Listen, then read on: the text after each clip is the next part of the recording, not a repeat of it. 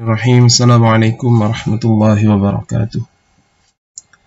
Bismillah walhamdulillah wassalatu wassalamu ala rasulillah wa ala alihi wa sahbihi wa man wala ma ba'du. Alhamdulillah rabbil alamin. Kita bertemu lagi pada pembacaan kitab Bidayatul Hidayah. Bagaimana kabarnya teman-teman semua? Mudah-mudahan selalu dalam keadaan sehat dan dalam perlindungan Allah Subhanahu wa taala. Amin ya rabbal alamin. Sekarang kita akan melanjutkan pembacaan pada bagian pertama ya. Jadi kitab Bidayatul Hidayah ini dibagi oleh Imam Al-Ghazali menjadi tiga bagian.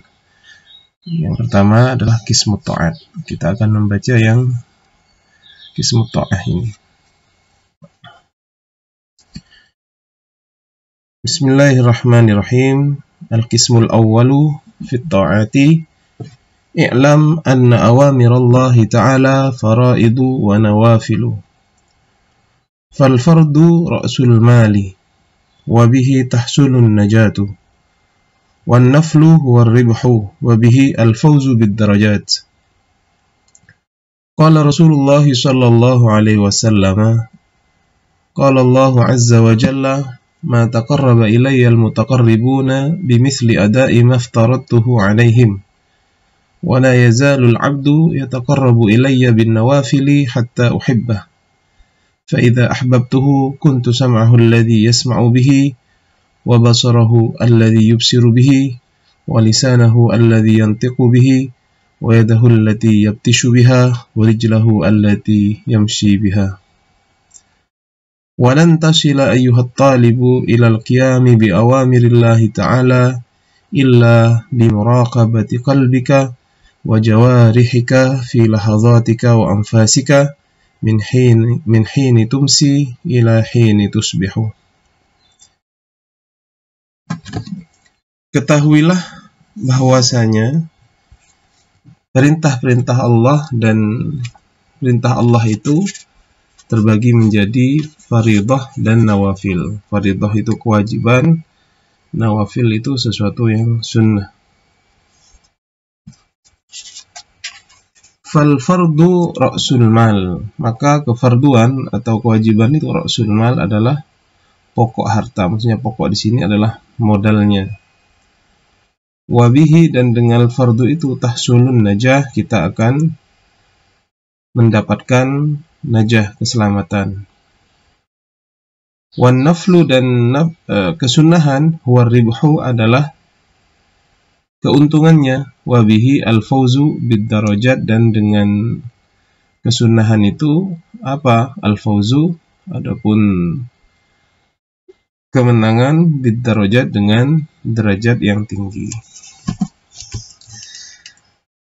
Jadi perintah Allah ada yang fardu atau wajib, ada yang sunnah. Yang fardu itu ibarat kalau kita lakukan itu sudah keselamatan bagi kita. Artinya dengan melaksanakan kefarduan itu kita sudah bisa selamat, artinya masuk surga Allah. Ada banyak dalil ya beberapa hadis dari Rasulullah Shallallahu Alaihi Wasallam misalkan hadis tentang datangnya Arabi kepada Rasulullah Shallallahu Alaihi Wasallam ketika dia bertanya kepada Rasulullah tentang kewajiban-kewajiban dalam Islam. Kemudian Rasulullah menyebutkan rukun iman itu, ah, rukun Islam, maaf. Kemudian dia di akhir sebelum Arabi itu pergi, dia mengatakan saya tidak akan menambah dan tidak akan mengurangi. Artinya hanya mencukupkan kepada yang fardu-fardu saja.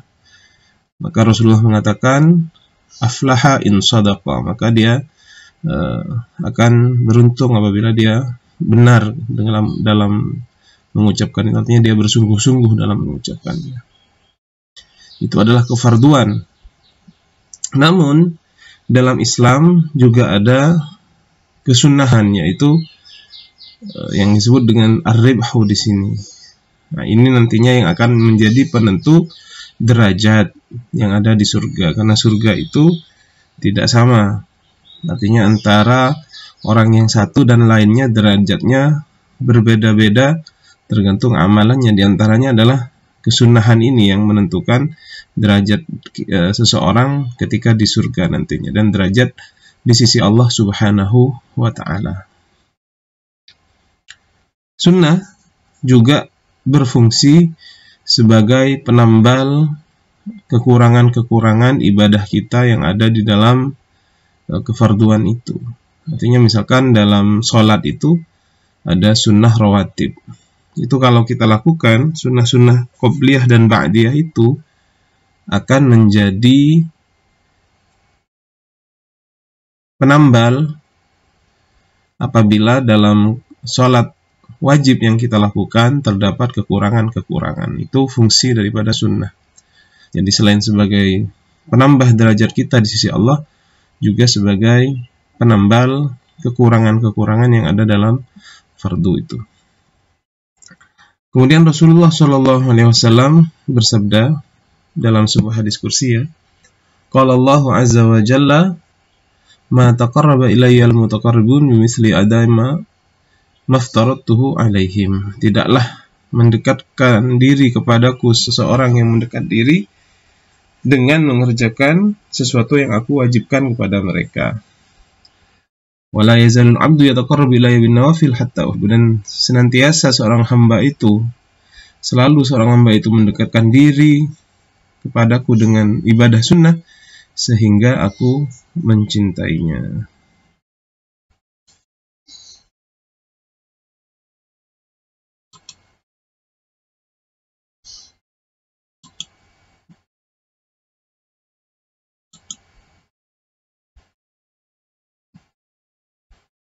Kita lanjutkan ma taqarraba ilayya al-mutaqarribuna bimithli ada'i ma aftaratuhu alaihim wa la yazalu al-'abdu yataqarrabu ilayya bin nawafil hatta uhibbah.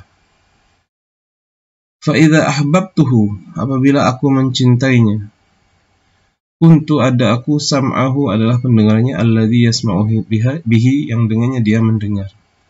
Wa basarahu dan aku menjadi penglihatannya matanya yang dengannya dia alladhi yubsiru bihi bisa melihat walisanahu dan aku menjadi lisannya alladhi yang yantiqu biha dia bisa berbicara dengannya. Wayadahu dan menjadi tangannya aku menjadi tangannya allati yaptishu biha di mana dia bisa bekerja dengan tangan itu.